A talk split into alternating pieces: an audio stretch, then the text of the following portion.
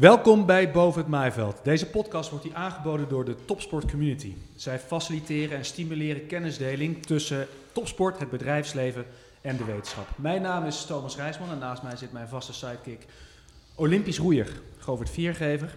En in iedere aflevering van Boven het Maaiveld ontvangen wij een bijzondere gast. En deze keer is dat niemand minder dan Francesco Wessels. Wessels werkte 20 jaar bij Defensie en maakte de overstap naar de wereld van de topsport. Mede door zijn persoonlijke ervaringen bij Defensie en topsport is Francesco Wessels uitgegroeid tot een ware autoriteit op het gebied van coaching en begeleiding. Kortom, weer een hele bijzondere en fijne aflevering van Boven het Maaiveld.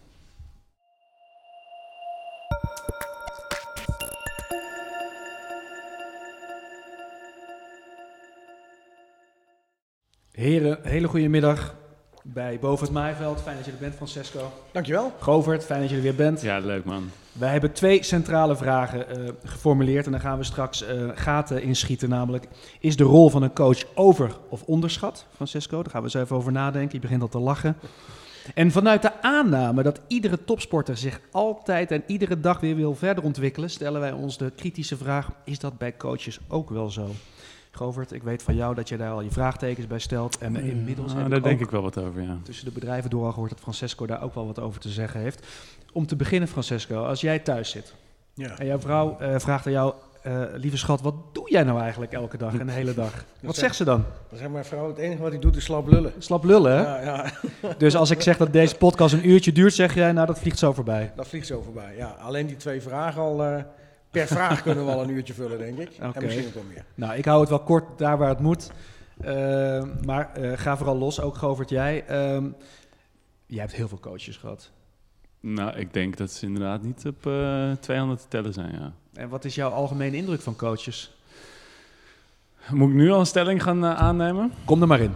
Um, ik, zeg, uh, ik zeg dat de meeste overschat zijn. Er zitten, meeste... laat ik zo zeggen, er zitten een aantal pareltjes tussen. Ja, dus je moet goed zoeken om ze te vinden. Ja, ik denk het wel. Wat vind je ervan, Francesco? Ja, het zijn net sporters eigenlijk. Hè? Ik, ja. hoor, ik hoor een sporter praten, uh, maar als hij in zijn eigen boot kijkt, dan zitten daar ook over- en onderschatte sporters in. Oh ja. Uh, dus, uh, ja. ja. En de vraag is of dat niet in elke omgeving zo is. Ja. Of het nou specifiek geldt voor coaches of voor sporters. Of dat in elke werkomgeving waar je dan ook heen gaat, dat daar... Nou, dat die stelling er wel op losgelaten ja. kan worden. Ja. We moeten heel even een klein beetje in het verleden duiken om de, uh, de luisteraar en de kijker duidelijk te maken wie jij precies bent. Want uh, slaplullen, dat kun je uh, waarschijnlijk zeker. maar je hebt een verleden als militair. Ja. Kun je dat in een, in een notendop even samenvatten, wat dat is geweest, dat verleden? Uh, ja, in totaal heeft dat uh, uh, ja, meer dan 20 jaar geduurd. ik ben ooit begonnen bij de infanterie in 89 als een jonge vent. Mhm. Mm-hmm. Kom in een wereld terecht waar iedereen bezig is om elkaar en jezelf beter te maken om je voor te bereiden op het moment dat dat allemaal nodig is. Ja. Um, dat bracht mij uiteindelijk in een wereld met gespecialiseerde soldaten, waarbij we veel opdrachten uitvoerden. Echt op missie geweest ook? Uh, ja, meerdere missies gedaan. Ja, uh, een paar keer Afghanistan geweest, Ja. en, uh, Joegoslavië enzovoort. Ja. En net hebben, uh, heb ik jullie horen zeggen dat er dus slechte en minder goede en goede coaches zijn. Ik heb ook ergens gelezen dat je hebt gezegd, slechte soldaten bestaan niet. Ja, maar je, je, volgens mij hebben we dat niet gezegd wat jij net zei. Nee, dat we hebben gezegd over en onderschat. Precies. maar niet goed en minder goed. Want dan zou je echt moeten kijken naar contexten. Ja. Want in sommige contexten kan een leidinggevende of een kaderlid of een coach uh, kan niet uh, zijn landing vinden, omdat Ja. die omgeving iets van hem vraagt waar hij niet voor competent is. Mhm. Maar als de omgeving iets anders vraagt, wat die coach wel heeft, dan kan het in perceptie wel eens een hele goede coach zijn. Ja. Dus het, uh, het is heel moeilijk te beantwoorden wat nu goede of slechte coaches zijn. Mhm. Want dat heeft ook iets te maken met de omgeving en de context en de behoefte die er op dat moment is. Mhm. Um, ja, en bij soldaten is dat niet anders. Uh, en ook, uh, ik weet dat jij een groot fan bent van voetbal. Klopt. Uh, nou, dan weet je ook dat je soms is er een coach die matcht met een team. Dat gaat fantastisch. Ja. En dan verandert er één dingetje, een heel klein dingetje. Bijvoorbeeld één spelerwissel, ik noem maar wat. En dan voel je eigenlijk een ja, intermenselijke verhoudingen veranderen. Dingen worden op scherp gezet, rollen worden omgedraaid, enzovoort, enzovoort. En ook dat geldt in alle omstandigheden waar je mensen bij elkaar zit en met elkaar naar een gemeenschappelijk doel werkt. Mhm. Ehm, ja, dus het is lastig zo te zeggen. Ik geloof wel dat sterk leiderschap, en daar komt mijn opmerking vandaan: slechte soldaten bestaan niet, slechte ja. leidinggevende wel. Dat slecht leiderschap uh, wel uh, kan voorkomen dat iets tot resultaat kan komen. Ja. ja. Herken je dat, uh, Govert? Slecht leiderschap kan voorkomen dat iets tot resultaat komt? Nou, wat net wel, wat, wat wel gezegd wordt, is dat zo'n kleine verandering een hele grote impact kan hebben. Mm -hmm. En dan is het met name hoe gaat de leider daarmee om, om dat daadwerkelijk in goede banen te leiden. Want binnen zo'n team kan maar, heeft maar zo'n bepaalde hoeveelheid zelfsturend vermogen. En op een gegeven moment moet het van bovenaf moet er gewoon iets gebeuren. Want anders dan gaat het team gaat met een soort van onzichtbare hand uh, gebeurt er iets. En ja, dan, dan, ben je, dan ben je al te laat, ja. denk ik. Ja, vind ik wel mooi, want je zegt van zelfsturend vermogen. Tegenwoordig wordt, wordt vaak de term gebruikt zelfsturende teams ook. Hè? Dan vraag ik terug. Ja. Dat heeft iets te maken uh, met de mate van taakvolwassenheid van een team. Dus een senior team die begrijpt wat zijn taken zijn, die begrijpt waar, waar, waar ze met z'n allen heen moeten, kent het spel van geven en nemen. Uh, daar kun je een bepaalde uh, zelfsturing van verwachten. Maar als mensen nog niet taakvolwassen zijn, dan leunen ze toch op richting. Die richting moet dan van een leider komen. En, en waar heeft dat dan mee te maken? Is dat die taak, taakvolwassenheid noem je het? Ja, ja.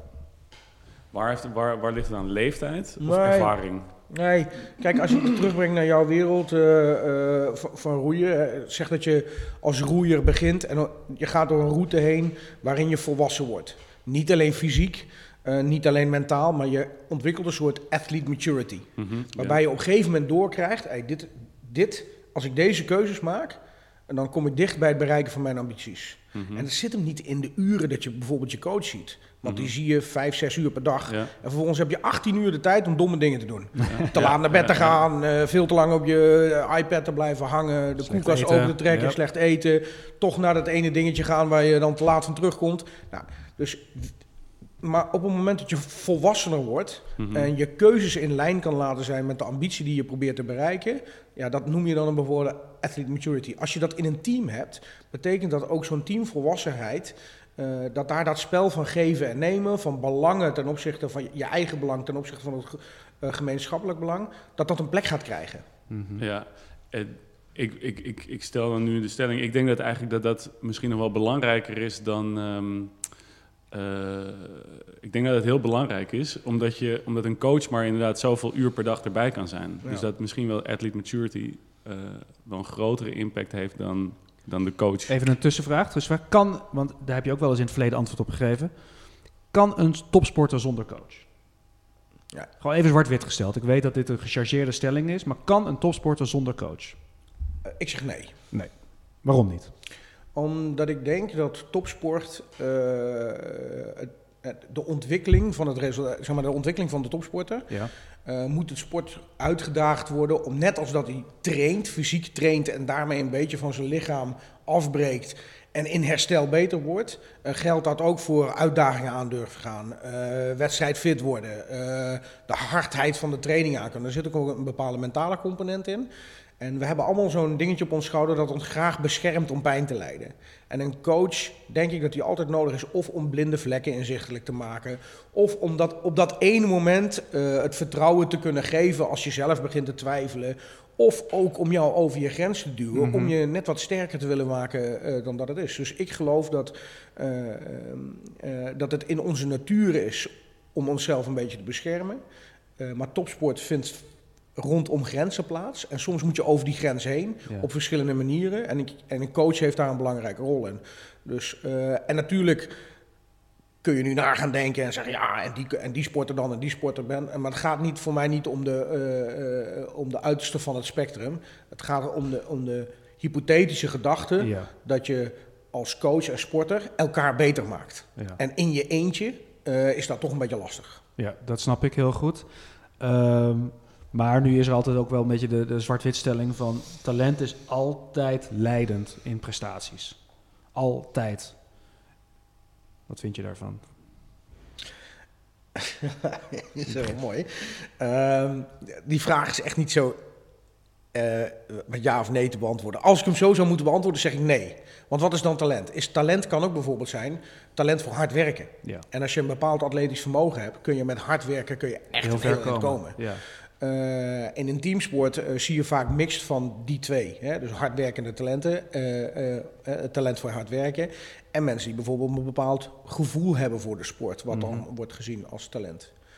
Um, bij sommige sporten dicht je talent toe aan bijvoorbeeld, nou, hè, bij roeiers heeft het toch vaak te maken met bepaalde armlengte en hè, er zijn een paar fysiologische gegevens. Ja, of dat talent is, weet ik niet. Hè. Bij turnen moet je een bepaalde uitslag kunnen hebben met je lichaam. Als je dat niet hebt, ja, dan wordt het hem ook niet. Um, dus de vraag is een beetje, wat is dan talent? Hè? Met talent voor hard werken kun je ook een heel eind komen. Ja, jij had het wel gehoord, Talent voor hard werken. Ja, dat is denk ik het enige eh, inderdaad waarom het uh, uiteindelijk echt wat uh, geworden Want jij bent niet een geboren roeitalent. Hebben we het al vaker over gehad? Ja, ik denk inderdaad dat ik een talent voor hard werken en talent voor doorzettingsvermogen had. Ja. En heb. Ik denk dat dat de uiteindelijke reden is geweest inderdaad. En niet, en niet omdat, je, omdat je inderdaad zo wordt aangemerkt als een talent zoals waar jij het in het andere geval over hebt. Omdat je nou eenmaal zo die spanwijdte hebt of uh, die, die uitslag kan maken. En ik heb ook de indruk dat jij, om even terug te gaan naar athlete maturity en team maturity, dat jij een enorme athlete maturity had. Die, die had daarmee te maken inderdaad. Van oké, op een gegeven moment kom je erachter dat er een bepaalde verantwoordelijkheid voor nodig is om je eigen groei en, en, en, en ontwikkeling te veroorzaken. Mhm. En dat als jij het maar laat afhangen van de coach, bedoel, er is niemand die zoveel uh, om jou ontwikkeling geeft als jij zelf. Ja. Denk ik. De coach. Jij, jij bent, staat bekend als de coach van de coach. Vaak. Dit is een beetje een onzichtbare rol. Dus als iemand goud haalt of eerste wordt, dan is dat de eer en glorie gaan naar die mens toe. Maar jij bent een beetje die onzichtbare rol op de achtergrond. Wat maakt het voor jou, even een persoonlijke vraag, zo leuk om die rol te vervullen? Want je, jij, jij loopt niet te pronken met de veren van de sporters. Maar laat dat ook terecht zijn. Ja. Uh, en ik ben niet de enige die hier op de achtergrond beweegt. Nee. Uh, er zijn vele mensen, of dat nou voedingsdeskundigen zijn, of krachttrainers, of medisch specialisten. Er zijn veel mensen betrokken in dat systeem van topsport om die topsporten te ondersteunen zijn ambitie te verwezenlijken. Ja. en ik, daar ben ik een schakeltje in. Ja. Maar het succes en degene die uiteindelijk beweegt als het fluitje gaat of als het startschot klinkt, is die sporter. Uh, Dus ik vind het ook meer dan terecht uh, dat, dat, dat de rest op de achtergrond blijft. Ja. ja, maar wat maakt het zo leuk voor je? Wat, maakt, wat, maakt jou, wat geeft jou voldoening? persoonlijk, ik beantwoord hem heel persoonlijk, zeg maar. Ja, dus ik vind het oprecht mooi dat ik een bijdrage kan. Het klinkt een beetje raar, maar het is gewoon mooi als je een bijdrage kan leveren aan die ontwikkeling. Ja. Ik voel mij ook een beetje trots van binnen. Uh, voor die sporter die dan wint. Of voor het systeem wat uh, rendeert in ontwikkeling. Hè? Dus je ziet het gewoon groeien. En dat je daar uh, mee mag denken, mee kan doen, en mee reflecteren en kijken waar het nog beter kan. dat, is, dat is natuurlijk prachtig om dat te doen. Mm -hmm. Kijk, in de basis vind ik het al heel bijzonder. En dan ben ik oprecht. Dat is een gesprek wat ik vaak met coaches ook heb. Mhm. Als een sporter tegen een coach zegt: Hey coach, wil je mij helpen mijn ambities te verwezenlijken? En je zegt daar ja tegen. Dan betekent dat wat. Dan ga je vooral een wederzijdse verantwoordelijkheid aan. Uh, en die coach die wil dat zo goed mogelijk doen. Maar dan wordt van alles op die coach afgeworpen. Niet alleen trainen, maar ook dat juist in dat coachende vak managen, leiding geven aan specialisten. Er komt van alles bij kijken als je daar uh, met onvoorwaardelijke commitment en toewijding instort, ja, dan mhm. is het natuurlijk mooi als, je dat, uh, als, dat, als, de, als dat leidt naar uh, waar je met z'n allen mee bezig bent. Ja, kun je nog een moment herinneren dat je voor het laatst dat gevoel van trots gehad hebt? Dat je in een proces betrokken bent geweest? of gewoon een keer dat je trots bent geweest, gewoon een voorbeeld? Ja, die zijn ja, dat is misschien wel mooi. Die zijn er zoveel. Ja. Uh, ik zat gisteravond uh, bij het uh, eh, EK baanwielrennen. Ja. En dan zie je die jongens die je dan al een aantal jaren kennen. En dan zie je daar zo'n jonge coach staan. die door omstandigheden, zeg maar, door de lopende omstandigheden uiteindelijk de coach van die club is geworden. En de manier waarop die coach dat oppakt. zelf ooit nog deel uitgemaakt te zijn van het team. Ja. Uh, nou, daar, kijk, daar heb ik gewoon oprecht echt bewondering voor. Uh, en ja, nou, dat, dat vind ik super mooi. Ja. Uh, even een rare vraag die niet voorbereid is, maar je zegt die, die baanwielrencoach die was ooit zelf baanwielrenner. Bij coaching, een goede coach, helpt het dan als hij zelf de sport heeft beoefend op het allerhoogste niveau, uh, waarin hij coach is geworden? Helpt dat? Die vraag wordt in de voetbal, voetballerij vraag gesteld. Ik weet niet of die vraag ook bij Olympische sporten vraag, vaak gesteld wordt. Ja. Ja. Wat jou betreft, jij zegt ja. Oh nee, die wordt vaak, die wordt vaak gesteld. Oh. Maar ik heb eigenlijk mijn, uh, mijn beste coach die ik, uh, die ik heb gehad, René Meinders. Ja. Die heeft nooit echt dat allerhoogste niveau gehaald. Maar wordt wel als een van de beste coaches uh, van de wereld beschouwd. Ja. Die is nooit Olympisch roeier geweest. Die is... Die, die, en, en zeker, geen, zeker geen medailles. Nee. Ik weet wel dat hij echt op de WK's en dergelijke heeft, heeft geroeid. Maar, um, dus die vraag, die vraag wordt gesteld intern bij, bij Olympische uh, sporten. Maar beantwoord jij hem dus? Is, het maakt jou dus niet zoveel uit of iemand zelf op het allerhoogste podium heeft gestaan, ja of nee? Nee, want, maar dat gaat, dat gaat om zijn ontwikkeling als coach. Ja. Dus als hij zich als coach even goed heeft ontwikkeld als sommige uh, atleten dat hebben gedaan in hun carrière... Ja dan, dan, is de, dan is de uitkomst niet anders. En hij heeft een bepaalde talent daarvoor. Ja. Dan is de uitkomst niet anders dan dat hij een hele goede coach wordt. Ik stel de vraag inderdaad een beetje vanuit mijn voetbalachtergrond als journalist. Omdat in de conservatieve voetbalwereld die vraag heel lang uh, werd beantwoord met... Nou ja, een trainer, een coach moet echt wel een beetje zelf gesnoven hebben aan het topvoetbal. Want uh, voor zijn geloofwaardigheid bijvoorbeeld binnen de kleedkamer is dat wel heel erg handig. Dat kantelt een beetje, merk ik. Hoe, hoe kijk jij naar deze kwestie? Ja, je gebruikt zoveel woorden in je vragen uh, die bij mij andere vragen oproepen. Oh. Uh, je, je, je, je, blijft het woord goede coach gebruiken. Ja, hè, ja ik ga ik mezelf zeggen, kritisch bekijken. ja, ja, ja, even wat. Ja, uh, wat, wat, wat ik Hij vind, is ook de ik coach vind, van de podcastpresentator. Heel goed. nou, maar wat ik, wat ik mooi vind van jouw verhaal, Govert, is dat je... Um, uh, je haalt een voorbeeld aan uh, en je geeft gelijk aan waarom het voor jou ook een waardevol is. Hè? Uh, en als je kijkt naar goede leidinggevenden, of wanneer wij mensen als leidinggevende of als coach zo ervaren, komen er vaak drie, drie fundamentele dingen naar voren. Eén is, je kan antwoord op een vraag geven, wat heeft hij voor mij gedaan? En dat heeft een betekenis, daar kun je een betekenis aan geven. Um, het, tweede element is, hoe ben je met elkaar verbonden?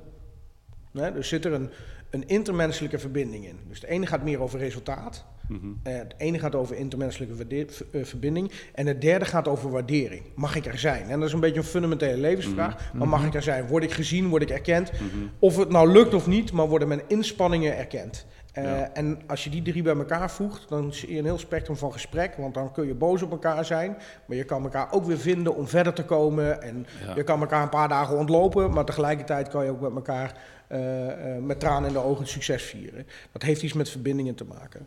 Nou, eh, dat is dus groter dan alleen maar een goede trainer zijn. Ja. En als we die twee, hè, want je zei dat is het tweede waar ik je even op wil vangen, ja, meneer de presentator. Nee, je gebruikt het woord eh, trainer en coach. Ehm, eh, en dat wordt wel vaak gedaan, nou, alsof, dat een beetje hetzelfde is. En ik durf wel te zeggen dat we in Nederland barstens vol goede trainers zitten. Ja. Mhm. Maar coachen, het beste uit een ander halen, dan kom je veel meer terug op die drie elementen die ik net zei. En dat is, dat is, dat is een vak aan zich.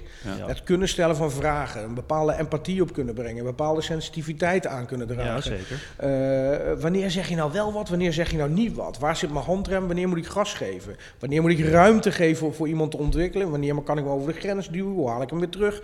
Dat is niet alleen maar trainingsinhoudelijke kennis. Dat heeft heel veel te maken met gewoon mensen. En voor een coach is het dus ook heel belangrijk, kent hij zichzelf? Mhm. Als ik de ruimte binnenkom als coach, wat gebeurt er dan met een ander? Ja. Eh, nou, dit zijn coachaspecten. Ehm, ja, en wat is dan een goede trainer-coach?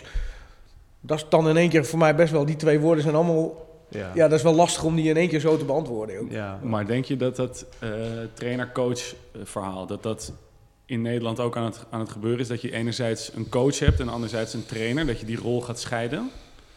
Ehm, nou, je ziet het fenomeen hoofdcoaches meer ontstaan. Hè. Ik zie dat bij voetbal wel. Dat je Ja. ook, eh, en niet alleen bij voetbal, hè. bij veel teamsporten heb je specialistische trainers. eh keeperstrainers, eh defense trainers enzovoort, enzovoort. En je hebt een hoofdcoach die eigenlijk eh, regie heeft over het totaal van het proces. Niet alleen de begeleidende staf met al haar expertise, maar ook richting geeft aan het team en de, en de gesprekken voert eh, met de teamleden die daarbij horen. En vanuit dat overzicht eh, maak je ook strategische en tactische keuzes. Ehm, ja, en dan, uh, en wij kijken ook vaak naar, als wij naar de coach kijken, dan zeggen we eigenlijk, je hebt vier petten op. dan praat ik even over bondscoaches, die, die, die heeft eigenlijk vier petten op. Eén is, hij is trainer en dat betekent dat hij vakinhoudelijk deskundige is. Hij moet zijn vak doorgronden. En dan antwoord gevend op jouw vraag, een mate van ervaring kan relevant zijn. Kan maar ik durf ook te zeggen dat die beperkend is. Want als jouw ervaring 20 jaar geleden uh, de maatstaf is van de wijze waarop jij nu training geeft, en je bent niet nieuwsgierig geweest om je te ontwikkelen, kan je ook klem lopen. Hè? Dus nou, maar, e-, eerst ben je trainer, hè? je bent uh, vakinhoudelijk deskundige. Daarnaast ben je manager, manager van processen. En dat gaat over veel geld, het gaat over veel mensen, het gaat over verstandige keuzes maken, uh, uh, verantwoording afleggen boven in een lijn, onder in een lijn. Je bent gewoon, ja, sommige van die hoofdcoaches of sommige bondscoaches, ja, die hebben gewoon echt teams aan het sturen van 30, 40 plus. En soms is het wat kleiner, soms wat groter, maar dat zijn grote dingen. Dus hij, en de, de trainer en de coachende, uh, sorry, de trainer en de managende competenties, die zijn wezenlijk anders. Ja, totaal verschillend. Doe ik er gewoon nog eentje bij, want we hebben net gezegd, hij moet een coach zijn. Dat betekent dat hij gespreksvaardig moet zijn. Hij moet de kwaliteit hebben om op die lijnen, boven, naast, onder hem, met hoog specialisme, het kwaliteit van een gesprek te voeren. Hoe bijzonder is dat? Hoe moeilijk is dat? En dan zeggen we ook nog, hij is een leider. Want hij straalt wat uit. Hij geeft richting, hij heeft een visie, hij wil ergens heen. En een leider is niet per definitie een trainer. En een trainer is niet per definitie een coach. En een coach is niet per definitie, per definitie een manager. Dus als wij naar onze bondscoach kijken en naar onze belangrijke coach die uh, bovenaan. Uh, en ik weet niet of het alleen voor bondscoach gaat, ik denk dat ik vele mensen tekort doe. Maar als we daar naar kijken, dan praten we soms over, nou wat is dan een goede coach? Nou, projecteer nou dat woord is op wat ik net zeg, op die vier competentielijnen. Dat is een, een gigantisch pakket. Dat is, maar dat is, wil je dat goed kunnen beheersen, wil je daarin kunnen excelleren, allemaal tegelijk, dan is dat, het klinkt bijna als hersenchirurgie. Nou, ja, weet ik, dan weet ik niet of dat zo is. We zijn natuurlijk ook, e- we, we groeien op, uh, we hebben nurture en nature. Uh, sommige mensen hebben wel bijvoorbeeld natuurlijk krachtgeleiderschap. Ja, en, uh, dus zo plat is het dan, zo ingewikkeld. Nee, dat doe ik het tekort. Ik wil niet zeggen dat het zo ingewikkeld niet is, want dat is het wel. Bovendien, um, zit, zit, hier zit ook het teamaspect in. Hè? Kijk, je, je kan die vier competentiegebieden zeggen en zeggen, nou, dat moet die ene coach zeg maar kunnen. Ja. Uh, maar ergens in die 100% over die vier deelgebieden hè, uh, gaat hij tekort komen. Ja. Bijvoorbeeld dat manager wordt hem niet helemaal, of uh, nou, een trainer heeft die andere specialismes voor. Als je een team bouwt, dan wil je eigenlijk dat het team achter het is-teken 100% oplevert. Ja. Dan kom ik een beetje, ja, wat je net ook zei, is het logisch dat een coach trainers in dienst heeft. Nou ja, als dat hem verrijkt om tot 100% te komen, om daarmee die ambitie van die sporters of het team te kunnen ontwikkelen, nou ja, is hartstikke mooi. Oké, dus het is zou eigenlijk zo, zo, goed zijn om je zwakke punt als coach te identificeren en, op, en dat eigenlijk uit te besteden of, of jezelf te ontwikkelen. Zelfkennis is kortom belangrijk. Ja, dat is superbelangrijk. Superbelangrijk. Ja, ja dus dit is een hele interessante vraag. En, uh, uh, want dit is eentje waar ik zelf heel lang mee geworsteld heb. En ik was zelf heel lang van mening om in kaart te brengen wat zijn nou de competenties die, waar een coach zich mee zou kunnen verrijken, om, het, om, om hem nog beter te maken, om de context te bedienen of zijn opdracht aan te kunnen. Ja. Uh, en dat brachten we dan in kaart en dan gingen we kijken wat kunnen we dan doen en opleiden en ontwikkelen en nieuwsgierig maken. Maar tegelijkertijd dat ik dat deed, mhm. kwam ik ook achter dat A, heeft het vaak een reden dat die competenties niet ontwikkeld zijn. Want we praten niet over junior mensen, maar over senior mensen. Mm dat zijn volwassen kerels. Volwassen kerels die al verder in hun traject zijn. En uh, B, de ontwikkeltijd die het kost om de coach die competenties bij te dragen, gaat ten koste van de houdbaarheidsdatum van die sporter. Ja, ja, dus ik dacht ook, uh, en, en dit, ik, ja, dat is ook wel een soort mindshift toen ik begon naar waar ik nu zit. Eerst dacht ik, we gaan die coaches helpen zo, zo goed mogelijk te ontwikkelen op al die. En nu zie ik, wacht even, soms vragen we iets van een coach, maar hij is niet aangenomen omdat hij dat niet, niet kan, maar omdat hij iets anders heel goed kan. En kunnen we dan het iets om hem heen bouwen, als je zegt van ja, inderdaad, dat kan ik niet, om het gezamenlijk goed te maken. En dat is ook niet altijd, uh, dus ik wil niet zeggen dat dat dus de oplossing is, want vaak is ontwikkeling wel degelijk een oplossing. Maar die twee aspecten moet je wel allebei benaderen. Het is niet zomaar dat je een coach gaat ontwikkelen naar het nee. hoger niveau. Maar dat, dat komt mij, op mij een beetje over als een oude aap kun je geen nieuwe trucjes meer leren. Um, ja, Weet je, als die, uh, als die aap met zijn leven bedreigd wordt, verzint hij zelf een andere truc. Uh, dus druk doet een hoop. Ja, precies. en een, een coach, zeker een bondscoach, is degene die boven op de apenrot zit van zijn sport. Ja. En die druk aan de onderkant noopt hem wel uh, tot een bepaalde ontwikkeling. Uh, maar dat wil niet zeggen dat het succesvol is. Maar ik heb juist het idee dat die, die aap bovenaan de apenrot... dat die daar heel vaak best wel comfortabel uh, zit. En dat er, dat er niet echt heel veel druk is. Of in ieder geval dat niet zijn plekje wordt betwist. En dat heb je juist onderaan de apenrot. Bij die sporters heb je dat veel meer. Die zijn de hele dag bezig met elkaar te bevechten... En terwijl die, die ene aap zit daar redelijk comfortabel daarboven. Is dat zo? Ik vraag ja, dat af. Super grappig dat je dat zegt, want dat, dit is echt perceptie. Uh, in, ik, ken, ik ken de meeste coaches zo ongeveer wel, zeg maar, in ieder geval vanuit de Olympische sport. Uh, die maken ik, zich wel druk? nou, die, ik, die zijn allemaal, willen ze hun werk goed doen. Ja. Ze voelen allemaal de verantwoordelijkheid van hun sporters. Ja. Ze voelen de druk van het uh, verder doorontwikkelen en tot resultaat brengen. En ze snappen heel goed dat als ze dat niet lukt, dat ze ergens een keer van die rots af moeten. Ja. En vaak is dat nog voordat ze zelf klaar zijn met het uh, doorontwikkelen en verder verkennen en enzovoort enzovoort. Daar moet ook maar tijd voor zijn, hè? want je moet al die wedstrijden af enzovoort enzovoort. Dus ik, ik betwist, uh, ik durf wel te betwisten wat jij zegt. Of die veiligheid, die, dat is wel schijnveiligheid. Mm. Sterker nog, ja. die veiligheid, vind ik, die onveiligheid, moet ik het maar zo zeggen. Ja. Dus dat die coach die druk voelt dat zijn baan tijdelijk is, noem maar even zo. Ja. Hè? Dus dat er ergens een einde aan zit en dat dat mede afhankelijk is van ontwikkeling en resultaat. Waar hij dan weer verantwoordelijk voor is. Uh, ik weet niet altijd of dat een goede druk is. Mm -hmm. Want die druk voorkomt misschien wel dat de coaches voldoende tijd steken in ontwikkelen. Ja. En meer op jacht zijn naar resultaat. Ja. Ja. En meer korte termijn denken dan lange termijn. Nou, Ja. komt er wel een, nou willen jullie allemaal vragen stellen, maar ik zie het tegen jullie. Maar die komt wel een heel belangrijk punt. En dat is het verschil tussen. eh, eh, eh, eh, nou, dat is in ieder geval een punt wat ik heel erg belangrijk vind en waar we ook proberen hand en voet aan te geven. En dat is de perceptie van de talentcoach, eh, de rol van de talentcoach en, en, en eh, zeg maar de bondscoach, noem maar even zo. Wat je nu heel veel ziet, is dat talentcoach een soort springplank is om bondscoach te worden. Mhm. Ja? Maar talentcoach, dus ontwikkelen, vraagt hele andere competenties. In andere fasen van levens, pre-adolescente fases, andere eh, valkuilen, andere transitieperiodes van school naar werk, eh, verhuizen enzovoort, enzovoort. Dat vraagt pedagogie, dat vraagt hele andere competenties. En bondscoach zijn, dus zeg maar als talentcoach wil je iemand naar die 90% brengen. En als, nou, op een gegeven moment wordt hij dan geselecteerd. En als bondscoach wil je dat gaan laten renderen. En dan wil je ontwikkeling omzetten in prestaties, in resultaat. Ja, uiteraard. En dat weer vraagt weer andere competenties, want misschien wel net nog iets verder en iets meer lef en iets meer eh, eh, enzovoort enzovoort. Ehm, ik vind het wel zonde eh, dat, dat talentcoachen eh, eh, als springplank wordt gezien voor bondscoachen. Ja. Ik zou veel liever zien, Je, je moet talentcoach eigenlijk op gaan waarderen.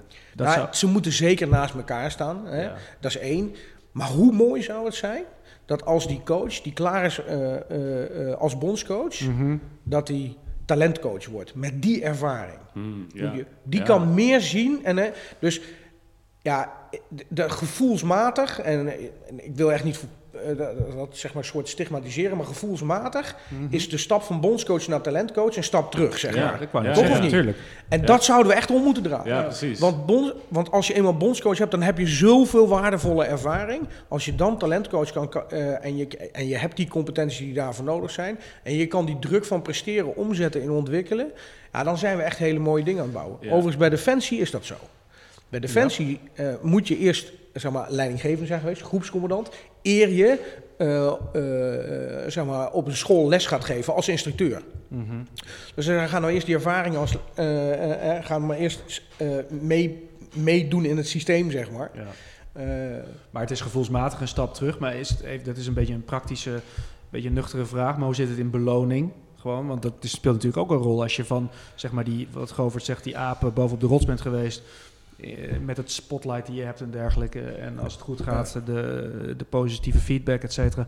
eh, wordt het ook gelijkwaardig gewaardeerd in geld, bijvoorbeeld? Is dat, dat is een hele logische vraag. Eh, en het antwoord is, even, Nee. is evident. ja, Maar de vraag is, waar kun je aan het systeem zetten Ja. om terug te gaan naar het idee dat je elke sporter een goede trainer-coach bent. En iemand die een, eh, eh, de ambitie heeft om de beste van de wereld te worden. Dat hij op de juiste manier begeleid wordt in zijn ontwikkeling en zijn prestaties. Ja. En dan betekent het misschien wel dat je op een andere manier naar dat systeem moet kijken. En Ja. dat je Ja. die talentcoach naast die bondscoach moet zetten. En dat dat geen springplank is om bondscoach Nee, precies. te Want waar, waar gaat dan die springplan komen voor die coaches die ook bondscoach willen worden? Jij bent nu benieuwd naar het antwoord zeker? dat schuchtere lachje. Ja, nou heeft hij hem. Ja. je, valt, je valt even stil, Francesco. Dat ben ik niet gewend. Dus ik denk, wat gaat er rond, wat gaat er rond in dat koppie? Nee, nee, nee. Hey, ik, ga, ik, ik ga een beetje linksaf en dan kom ik terug op jouw antwoord. Oké, ja? daar vertrouwen we je op, vertrouwen je Ja, jij houdt die lijn vast. Hè? Heel Ja, goed. Ja, ja, ik houd het in de gaten. Oké. Anders moet ik feedback geven. Ja, ja, ja, precies. Ja. Ja, ik word graag gecoacht. Ehm, eh, kijk, als je teruggaat naar het idee, en daar, daar begonnen we een beetje mee, dat een, een, een coach is efficiënt in context. Hè, die context, en die, daar, ontstaat een verbinding tussen. Eh, niet elke coach eh, die aangenomen wordt, wordt aangenomen omdat dat de beste coach is die die context kan bedienen. Ik zal hem wat praktisch maken. Stel dat je een, eh, een team hebt waarbij groepsdynamica op dat moment, eh, dat wrijft, het schuurt, dat loopt niet lekker. Zal natuurlijk prachtig zijn als je een coach hebt die dat aanvoelt en kan sturen en kan begeleiden. Dat is, die wil je dan hebben. Als je dan de meest strategische en tactische coach hebt ter wereld, is Ja. de vraag of zijn houding en gedrag bijvoorbeeld eh, heel statistisch en keuzes maken, terwijl misschien op dat moment de behoefte wel is aan een, eh, aan een gezamenlijk gesprek. En dat kwalitatief kunnen laden. Ehm, dus dat, het idee dat elke coach eh, al, al die contexten kan bedienen, dat is er helemaal niet. Dus wat is dan de springplank eh, om van talentcoach naar eh bondscoach te gaan? Die is er dus niet, hè? die wil je graag weghalen. Hoe word je dan wel bondscoach? Exact. Nou, ik zou het heel mooi vinden dat bonden op dezelfde manier met hun talenten omgaan binnen de sport, dat ze zo ook met talenten binnen het coachen omgaat. En dan snap ik dat ik eh, iets vraag wat heel veel geld kost, maar je zou als bond, hoe waardevol zou het zijn, dat je gaat investeren in een aantal coaches en dat op het moment dat de re- regerend bondscoach weggaat, om welke reden dan ook, dat je mensen hebt klaar kunnen staan en je zegt van nou, dit is eigenlijk de goede vent op dit moment. Op dit Bam. moment. En dan zet je hem daar neer. Ja. En dan kun je ook best wel weer wat meer tijd en geld in ontwikkeling steken. Ja, tuurlijk. Ja, ja. We proberen op allerlei manieren nu met projecten zeg maar, dit, dit idee ook eh, eh, eh, te positioneren. Hè. We hebben echt een speerpunt van gemaakt om talentcoaches naast bondscoaches te zetten. Om duidelijk te maken dat dat een ander vakgebied is met andere competenties. Probeer ook samen met bonden na te denken hoe kunnen we nou de carrièregang van coaches eh, ja, eh, niet alleen betaalbaar maken, maar ook dat het een, een lang leven kan hebben. En niet alleen als je bondscoach een paar jaar bent geweest dat het dan stopt, maar dat je dan ook een verdere carrière ingaat. Of er nou mentoring is van andere coaches of op andere vakgebieden zoals talentcoaching. Ja, dat, aan, aan, aan dat huis moet je wel zitten. Ik kijk soms wel eens met schrijnende ogen dat als een coach weggaat, dat, dat dan, en dat is vaak afhankelijk van waar zit je in de Olympische cyclus. Hè? Als je een jaar voor de Spelen zit, ga dan nog maar eens even goede, goede coaches vinden. Dat is niet altijd even makkelijk. En dan kijken we toch snel wie is betaalbaar en wie is beschikbaar. Ja. En niet wie is competent in context. Ja. Volgens mij was het een beetje links of rechts, Ja, ja, maar ja, ja. ik heb wel antwoord gegeven op je vraag, toch? Ja, Of niet? ja, ja. Want uiteindelijk, uiteindelijk draait het om de, om de maximale prestatie. En als je dan inderdaad een oplossing zoekt van wie is er beschikbaar of wie is betaalbaar, dan, dan, dan vreet je, dan morrel je in per definitie aan het maximale resultaat. Aan die 1% die je nodig hebt om Olympisch kampioen te worden. Ja. Dus, eh, Eh, ja, je doet, eh, ja, ja, je doet in ieder geval, je zult ergens concessies moeten exact. doen. Hè? Dat is een En beetje, concessies is volgens mij iets wat je nooit wilt doen. in, oh, in topsport is dat niet, eh, Dat is niet altijd eh, Nee. gewenst. Nee. Nou, eh, eh, heb jij een goed zicht op alle coaches, eh, op, de, op, de, op de kwaliteit van coaching in algemene zin in Nederland? En op het sportklimaat in Nederland. Hoe, hoe eh, verhoudt de Nederlandse coach zich gemiddeld genomen, grosso modo, tot de coach, coaches in het buitenland? Volgens mij is dat wel een interessant thema. Ja, goed. Jij hebt een hoop buitenlandse coaches ook gehad. eh, hoe, hoe, hoe heb jij dat ervaren? Kun, kun, je- kun je daar iets...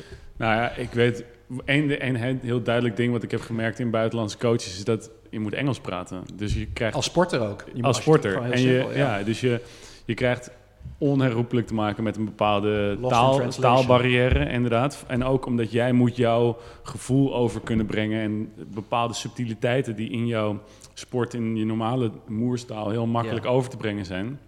En dan lijkt je ineens niet meer je gevoel zo makkelijk over te kunnen brengen over, jou, over wat jij net hebt ervaren in de training Ja. of de wedstrijd. Dat vond ik best wel moeilijk met, eh, met buitenlandse coaches. Want wat voor buitenlandse coach heb je gehad? In welke landen? nou, Australiër. die, die schiet me nu eventjes op het eerste moment te binnen. Ja. En ehm, dat, dat, was, dat was, vond ik af en toe best wel moeilijk. Ook al spreek je heel goed Engels, voel je mm. toch dat er een bepaald soort uh, ja, hij, hij praat veel, veel soepeler en makkelijker. Mm. En het wordt nog moeilijker als je allebei slecht Engels praat, weet je. Dan, dan wordt het helemaal moeilijk. Maar ik had wel in het Engels heel vaak het gevoel... als hij bijvoorbeeld een voorbespreking deed van een wedstrijd... dan praat, die, die, die, dan praat je die praat net alsof je in een film zit, weet je. Dus dan had je net het gevoel van... alsof je een speech van Any Given Sunday van ja. Al Pacino zou krijgen. Inch by inch. Ja, inch by inch. We claw by our fingertips. Either we heal now as a team, or we dat zijn die Engels sprekende coaches hebben dat al een beetje. Dat komt natuurlijk ook door onze mediacultuur, dat we daar gevoelig voor zijn. Ja, en we hebben daar ook... Het roept bij ons ook een bepaald gevoel op natuurlijk. Ehm, maar eh, het is prachtig wat je zegt, want hier zit wel de, een van de kernen van... Uh, uh, van het aannemen van buitenlandse coaches. De taalbarrière. Ja, en het is vooral ook dat je een, een Kijk, als je niet Nederlands praat, die, die sporters onderling praten. Als coach, als je in de omgeving bent, vang je daar signalen op. En je legt een relatie met blikken en afzondering of juichen of met kleine gesprekken. En die, die, zijn zo, die mis je dan dus. Ja. Uh, en als sporter je uh, je eigen gevoel in niet je moederstaal moet uiten, ja, dan dat is best lastig. En ondanks dat je misschien vloeiend Engels spreekt, zit daar toch een, uh, hè, is de kans, en laat ik het zo zeggen, is dat, het, dat je daar toch op een andere manier mee omgaat. Uh, maar dit geeft geen antwoord op jouw vraag uiteindelijk. Hoe, hoe zijn wij als Nederlands coach? Nou, een van de, wij zijn in Nederland gewoon, mogen we apen trots zijn op uh, hoe wij mondiaal presteren. Laten we dat even voorstellen. we zijn met relatief weinig mensen, zijn maar een klein landje, beperkt budget. En als je ziet dat wij dan uh, die ambitie toch weer iedere keer uh, waar weten te maken om in de top 10 van presterende landen zijn, dat is best gaaf, toch? Ja. Super gaaf. Ja, ja. Is, nou, dan ga je natuurlijk altijd op zoek, waar ligt dat dan aan en wat doe je daar dan?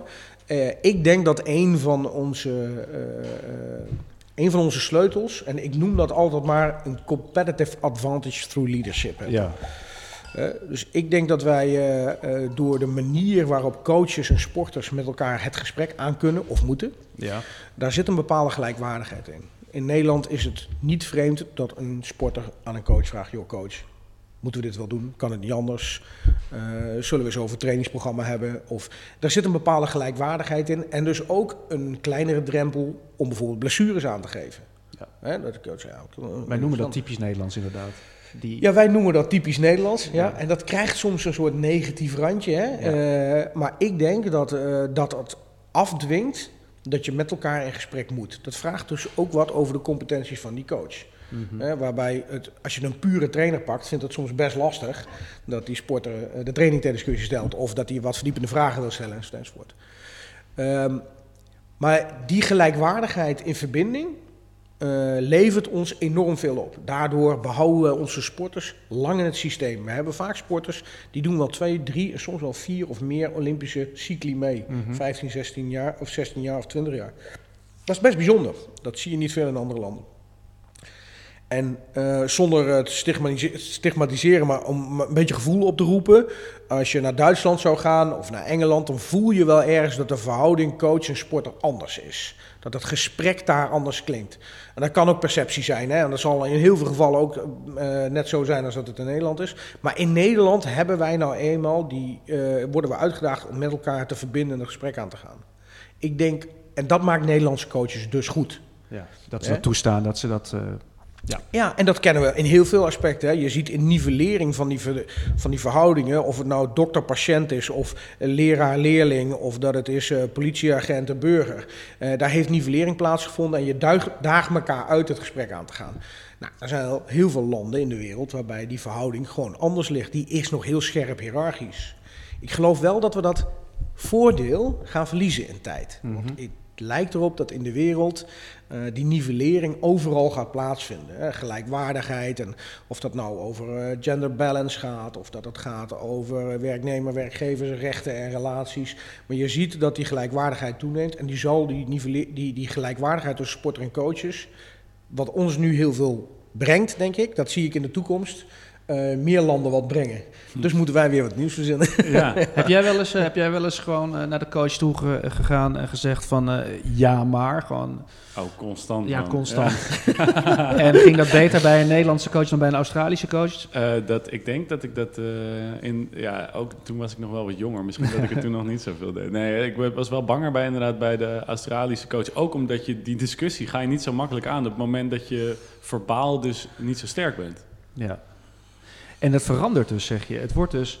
eh, Nederland blijft dat doen, die cultuur van ja maar en van feedback geven van atleet naar coach en die horizontale relatie. Maar andere landen gaan die kant op.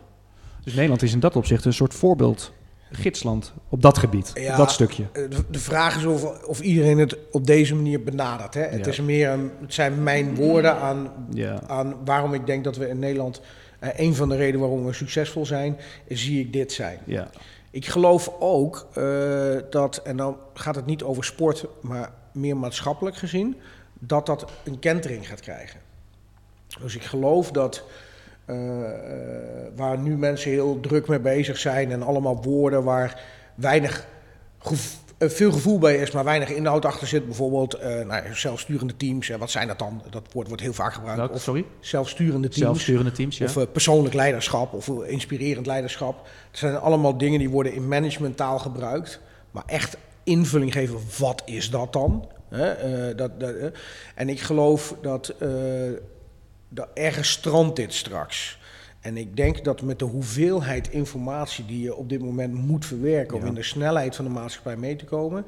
dat niet alleen sporters, maar elke burger gebaat is om ergens richting uit te krijgen. Mhm. Zodat hij minder keuzes hoeft te maken. En bij een topsporter is dat extra belangrijk. Ja. Hè, want die heeft een bepaalde focus te doen. Mhm. Dus ik geloof dat die, zeg maar wat nu eh, eh, een beetje die verhoudingen nivelleert, hè, die horizontale verbinding, dat zich dat weer een beetje uit verband trekt. Mhm. En dat we eh, mensen weer gaan vragen om de hiërarchische positie in te nemen. Om ons te helpen, zodat we minder keuzes hoeven te Ja. maken in alle informatie. Dus dat je ergens aan een identiteit kan verbinden. En als je zegt, nou, ik hoor bij die club. Die club die staat ergens voor. Dus ik doe wat die club graag wil, zeg maar. En dat dat wat. eh, dus ik geloof wel weer dat het zich op een of andere manier weer een beetje gaat oprichten. Hier- hiërarchie versimplificeert weer een klein beetje. Maakt het inderdaad makkelijker iemand aan de hand nemen op die manier, via hiërarchie. Ja, kijk, wat we natuurlijk. eh, wat een beetje beweging is geweest de afgelopen jaren. is dat we een soort middenlaag ertussenuit hebben gesneden. Hè? Mhm. Dus, eh, dat is ook zo'n woord, hè, nou, autonomie op de werkvloer. Of dat werknemers meer autonoom en zelfstandig en eigenaarschap moeten pakken. En er zijn bepaalde managementlagen tussenuit geslepen. Maar uiteindelijk is de vraag of degene ook het mandaat heeft gekregen. En wat je nu ziet, is dat die, ja, je, je, je hebt wel de verantwoordelijkheid, maar je gaat er eigenlijk net niet over. Op het moment dat er besloten moet worden, moet je toch naar de baas. Eh, en dan, ja, dan ga je er wel over en dan heb je een goed idee. En dan kom je bij de baas en zeg je, ja, dat is een goed idee. Doen we niet. Maar wat doen we? Hè? Eh, ja, dat, nou. Eh, dat, en omdat allemaal mensen hun eigen werkveldje hebben, en daar nog, wa- wat mij betreft, dat dat multidisciplinair werkt, maar niet interdisciplinair. En het Mhm. verschil voor mij is dat multidisciplinair, dat doet elke discipline, probeert een antwoord te vinden op het, op het vraagstuk vanuit die discipline. En interdisciplinair gaat over hoe, hoe verhouden nou al die disciplines met elkaar zich ten opzichte van het vraagstuk. Mhm, ja. En dat vraagt regie. En daar zie ik eigenlijk weer dat er behoefte is aan een soort tussenlaag Ja. die die regie gaat pakken. Ik ga Ja. deze terugbrengen naar de sport. Want, dat is, want jij gaat deze herkennen, denk ik, of niet? Ja, ja, ja, Voor de ja. mensen die luisteren, eh, Francesco en Govert zijn naar elkaar aan het wijzen nu. ik wil het woord. Zijn er, een, een voorbeeld van zou bijvoorbeeld technologie of wetenschap eh, een beetje die rol kunnen gaan, gaan aannemen? Ja, als die die niet al heeft. Ja, want ik, dat, dat wilde ik dus net als eh, voordeel, voorbeeld nemen van... Oké, wij hebben eigenlijk... In, bij sommige coaches heb je dan misschien niet zo... ehm, heb je die hiërarchische structuur niet zo. Maar die kan altijd zeggen... Ja, maar uit de metingen en dergelijke en de wetenschap is dit gekomen. Dus we gaan dit zo doen. Ja, ja, ja. Eh, ja, de vraag is of, of het al waar is. Hè? Ja, ja, ja. ja, dat- Hè? Eh, maar het argument van metingen en statistici, ja, dat is wel iets wat, wat, wat veel vaker wordt ingebracht hè, als onderbouwing van iets. Eh, en dat is ook logisch, want we krijgen steeds meer inzicht in bepaalde processen. Maar het is niet alleen de meting. Kijk, wat, wat ik probeer eh, eh, aan te stippen is dat, dat interdisciplinair denken en de sturing van interdisciplinair denken, dat vraagt ook weer iets extra's van die coach. Neem even een voorbeeld. Jij als roeier ehm, hebt een bepaalde trainingsinspanning, daar hoort een bepaalde voeding bij. Daar hoort een bepaalde uh, krachttraining bij, uh, daar hoort een bepaalde periodisering bij. Op het moment dat de krachttrainer denkt, hey, we gaan die grote even wat sterker maken en die gaat, die gaat daaraan sleutelen, dan heeft dat eigenlijk effect op A, jouw voeding, ja. B, op jouw periodisering hè, ja. voor je hersteltijden. Nou, wat je dus eigenlijk wil, is dat de krachttrainer en de voedingsdeskundige en uh, de coach die de periodisering maakt, en, uh, enzovoort, enzovoort, dat die bij elkaar gaan zitten en zeggen, ja, joh, als we nou aan dit knopje draaien, hè, ik denk, dan betekent het dit. En dat bij jou, dat jij niet uh, het verhaal moet op gaan halen bij de voedingsdeskundige, maar dat jij één advies krijgt mm -hmm. wat jouw volgende stap is. Ja. En dat is de volgende stap richting de op, uh, oplossing. Dat betekent dat de specialisten hun eigen belang ten dienste gaan stellen van het gemeenschappelijk belang. Ja. En dat is bij hoogwaardige expertise soms best wel moeilijk. Mm -hmm, ja. uh, uh, en dat is ook even een rol van de coach gepakt. Die heeft de beste arts en de voedingsdeskundige allemaal bij elkaar zitten. En die moet dat proces van multidisciplinair naar interdisciplinair ook begeleiden. Het is dus niet alleen maar kiezen wat de opstelling is. Maar dat is dus een beetje het outsourcen van competenties en, en facetten van je baan die je, waar je eigenlijk zelf nog niet genoeg expertise in hebt. Ja, ja, ja. En dan begeleid je eigenlijk het proces. Dus je laat de expertise ja. bij de experts. Ja. Uh, maar jij als sporter wil toch niet uh, dat kamertje binnen en krijgt te horen, nou vandaag twee appels extra en dan een volgende kamertje en er komt 10 kilo bij. En ja. dan met de vraag hoe verhoudt zich dat eigenlijk met elkaar? Dat moet wel afgestemd zijn al. Ja. Ja. Nou, we zien die ontwikkeling inderdaad ook even weer weg van de sport, ook een beetje in de gezondheidszorg. Dat die wens er heel erg is om zo een patiënt te benaderen. En, uh, dus niet alleen sporters, maar ook patiënten. Inter, interdisciplinair denken. Ik ga je straks nog, ik, ik, ik, plant hem alvast even ook voor de luisteraar en de kijker. We, wij verliezen dus een beetje die competitive edge als Nederland. Vanwege die horizontale band tussen sporter en uh, coach. Ik ga je straks als slotvraag dan vragen. Um, ja, we moeten iets nieuws gaan verzinnen om straks weer in die top 10 van de medaillespiegel te staan. Misschien wel top 5. Ja. Denk er alvast even over na. Maar als ik denk aan interdisciplinair uh, uh, denken en doen, dan denk ik ook aan de topsportcommunity. Ja. Dat is een plek waar eigenlijk drie velden bij elkaar komen. De topsport, de wetenschap en het bedrijfsleven. Uh, jij bent natuurlijk ook een paar keer, of in ieder geval bij de topsportcommunity aanwezig geweest. Waarom is het zo belangrijk in algemene zin dat, dat meerdere disciplines met elkaar in contact staan, meerdere velden? Wat maakt de topsportcommunity zo bijzonder eigenlijk?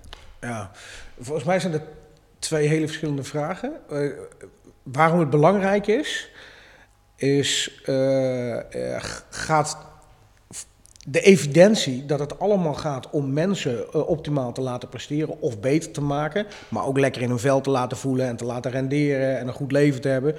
Of je nou in een sport of in het bedrijfsleven zit, dat maakt allemaal niet uit. Mm. Het gaat gewoon, uiteindelijk zijn het allemaal mensen. En de een heeft een trainingspak aan en de andere uh, een stropdas om, bij wijze van spreken. Mm-hmm. Maar het zijn allemaal mensen die graag met passie hun werk willen doen en daar beter in worden uh, en een gezamenlijk belang dienen.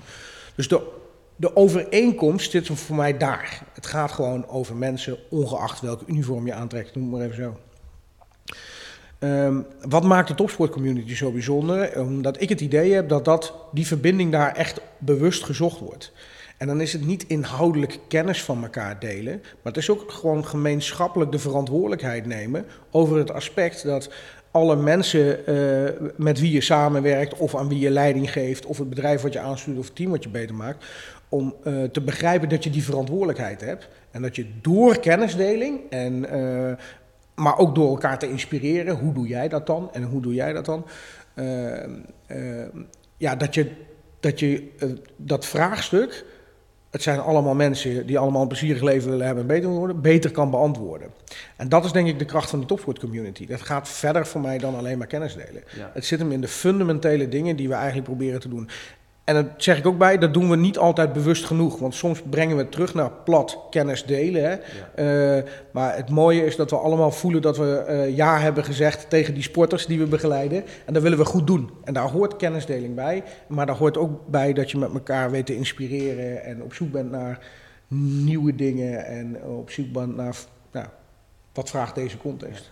Als ik dan aan jou vraag, door wie of wat laat jij je inspireren? Anders gesteld de vraag, door wie of wat laat jij je coachen? Door wie laat de coach van de coach zich coachen? De man achter de microfoon op dit moment. Dus, wat is je antwoord dan? Vind je dat soort inspiratie en dat soort coaches van de coach van de coach ook bij de topsport community? Ehm, ja, het is ongeveer de meest gestelde vraag aan mij. als je zegt, ik ben coach van coach, dan denk ik, wie coach jou dan? Daarom heb ik hem ook voor het einde bewaard. Ja, oké. Ehm, en toch moet je erover nadenken. ja, nee, ik, ik, ik ben een origineel antwoord ben je op zoek. Nee, nog niet eens, nog niet eens. Kijk, want het, ik wil het niet als een soort arrogantie laten overkomen, want dat past het echt niet. Maar wat ik bedoel te zeggen is, als je in dit vakgebied zit en je bent constant op zoek naar hoe kan ik een ander beter maken, dan wat ik me iedere keer op betrap, of het nou een gesprek of een ontmoeting is, dat ik altijd terugdenk, jezus, die heeft mij zojuist beter gemaakt uh, door het antwoord. Dus of dat nou een formeel moment is uh, wat je organiseert bij Topsport Community, of dat het een één op één gesprek is met een coach, of dat je met elkaar aan het filosoferen bent met een expertteam hoe het beter moet. Uh, ik betrap me er iedere keer bij dat ik denk dan, ah, ik, nou heb ik wel een richting. En dat een ander mij kan verbazen met zijn enthousiasme of met inhoud. En is dat ik daarvan leer. En volgens mij is de kern van mijn werk is wel reflectief zijn, anders werkt het helemaal niet. En, uh, ja, dat is ook wat het mooi maakt. Oké, goed zo. Jij vindt de topsport community ook uh, altijd, jij komt daar zeer geïnspireerd van terug, hè? Absoluut, absoluut. Ik, uh, ik, ik, ik, heb iedere keer weer een nieuwe, een, een nieuwe energie. Ik weet niet precies uh, hoe, dat, hoe dat kan, dat, dat je daar dus juist zoveel energie van krijgt. Maar iets door dingen van, door die, door die verbinding en het kijken vanuit andere oogpunten naar hetzelfde probleem. Of tenminste, eigenlijk het is niet hetzelfde probleem, want iedereen heeft een ander probleem. Mm -hmm. Maar uiteindelijk zitten er in het probleem heel veel overeenkomsten. En daar krijg je gewoon heel veel energie van. Goed om te horen. Um, we gaan naar het slot van deze podcast, Francesco en Govert. Nogmaals, ik herhaal uh, de ambitie, verpakt in een vraag. Uh, de ambitie is, uh, we willen als Nederland blijven presteren en de vraag is daar aan vastgeplakt. Hoe gaan we dat doen als we kijken met name naar de rol van de coaches in combinatie met de atleet? Ja, Ga je dat verklappen? Heb je daar al ideeën over? nee. Ja, want zitten de Duitsers ook te luisteren? ja. Ik vind het niet op zijn Duits praten. Dus, uh, nou, uh, laten we vooropstellen dat het, het, begint allemaal eerst met de onderkenning. Hè? Dus wetend, uh, en ik wil helemaal niet zeggen dat dit waar is, maar vanuit mijn vakgebied, ja. hoe ik er naar kijk, zie ik dit. Ja. Uh, en natuurlijk ben je dan, ga je op reis van hoe, hoe behoud je dan vanuit dit oogpunt, hoe behoud je dan het ja. voorsprong? Maar ook, wat zijn dan de grote mondiale en maatschappelijke ontwikkelingen? Want die moet je daarin meenemen. Um, en wat in ieder geval een denkrichting is nu, is uh, het fenomeen nudge heeft, inmiddels al een landing gekregen. Hè? Dus uh, op een bepaalde manier iets organiseren waardoor mensen uitgedaagd worden bepaald gedrag te vertonen. Dus als jij een, een, een, een, hele chique zaal binnenkomt, nou, dan doet dat iets met je houding. En als je dan, dan voel je je in één keer underdressed, noem het maar even zo. Uh, en andersom kan het ook zo zijn. Hè? Dus uh, schijnbaar daagt de omgeving bepaald gedrag uh, tot bepaald gedrag. En door de omgeving te beïnvloeden, dat noemen we dan nudgen. Nou, ik denk dat goed na te denken en coaches en sporters te helpen hoe we de omgeving zo kunnen optimaliseren of iets kunnen doen in de omgeving, wat automatisch leidt tot gewenst gedrag. Uh, en ik denk dat daar een deel van de antwoord op zit om het coaches te helpen uh, uh, in, hun in wat ze moeten doen. Mm -hmm. Dus ja, ik heb het maar even genoemd leadership nudging. Wat dat dan is, weet ik nog niet. Maar Kun je dat herhalen even? Leadership? Nudging. Ja. Nudging, ja. Ja, dat nudgen is dus... ja, dat kunnen we heel simpel maken. Als jij ergens naar een buffet loopt en daar staat een pompje om je handen te ontsmetten... staat er zo dat je er niet omheen loopt uh, is de kans groter dat je dat pompje pakt dan dat je hem ergens aan het begin van de rij neerzet waar je er niet langs loopt. Of als jij een rode verfbaan maakt, als je de deur binnenkomt en die verfbaan, daar loop je overheen en die gaat richting de trap, dan zul je zien dat meer mensen de trap nemen uh, dan de lift, ook al zit hij er net, net naast, zeg maar. Mm -hmm. Ons gedrag wordt gewoon gestuurd. Nou, mm -hmm. we zijn, de reclamewereld is er heel goed in. Heel goed, ja. uh, en als je Schiphol binnenloopt, dan word je echt uh, van links naar rechts genudged, alleen door de manier waarop ze dat doen. Maar dat zou je ook op het gebied van leiderschap kunnen doen. Ik ben een beetje aan het onderzoeken of daar, daar iets in zit. En misschien zit het ook wel niet hoor. Maar het is wel interessant om dat verder te verkennen. Ja, heerlijk. Nou ja, ik weet wel dat op het moment dat, dat ik voor het eerst eigenlijk bij het Olympische team kwam... en je krijgt een... Ehm, je krijgt toegang tot het Olympische trainingscentrum met je eigen key, uh, keycard. Dat doet wel iets met je. Dus dan ga je wel op een andere manier gedragen doordat jouw omgeving veranderd is. Ja, ja. Ja, maar ook die, de, oranje, de oranje dingetjes die er dan in één keer bij komen. En het Team NL-embleempje wat dan op je pak staat. En, Ja, en het, het is niet alleen uitingen, want dat gaat ook heel erg over identificatie. Wat volgens mij ook een hele belangrijke wordt, heb ik net al gezegd. Mhm. Mensen zich steeds sterker gaan kiezen waar ze zich mee willen identificeren. Niet alleen om de identificatie, dat was meer van de jaren 60, 70. Maar vooral ook om los te komen van allemaal dingen uh, wat te veel wordt. Beetje filosofisch misschien. nee, maar het weglaten van dingen die... Uh, niet relevant zijn. Ja, die niet relevant zijn. Soms is het, het weglaten van dingen nog wel belangrijker dan het toevoegen van dingen. Mooi. Een mooie filosofische uh, blikken neem ik waar, links en rechts. Wij gaan er waarschijnlijk nog wel eventjes kort over doorpraten. Maar de podcast zit erop, boven het maaiveld, met Francesco Wessels. Ik wil je ongelooflijk bedanken voor je tijd en voor je mooie verhaal. Uh, ik hoop dat veel mensen geïnspireerd zijn. Uh, in ieder geval stof om verder over na te denken. Govert, ook dank je wel. Ik weet zeker dat jij ook nog eventjes over gaat verder denken. Ja, we gaan nog even lekker verder. in december komen wij weer met een nieuwe aflevering van Boven het Maaiveld. Iedereen hartelijk bedankt voor het luisteren en kijken. Tot de volgende keer.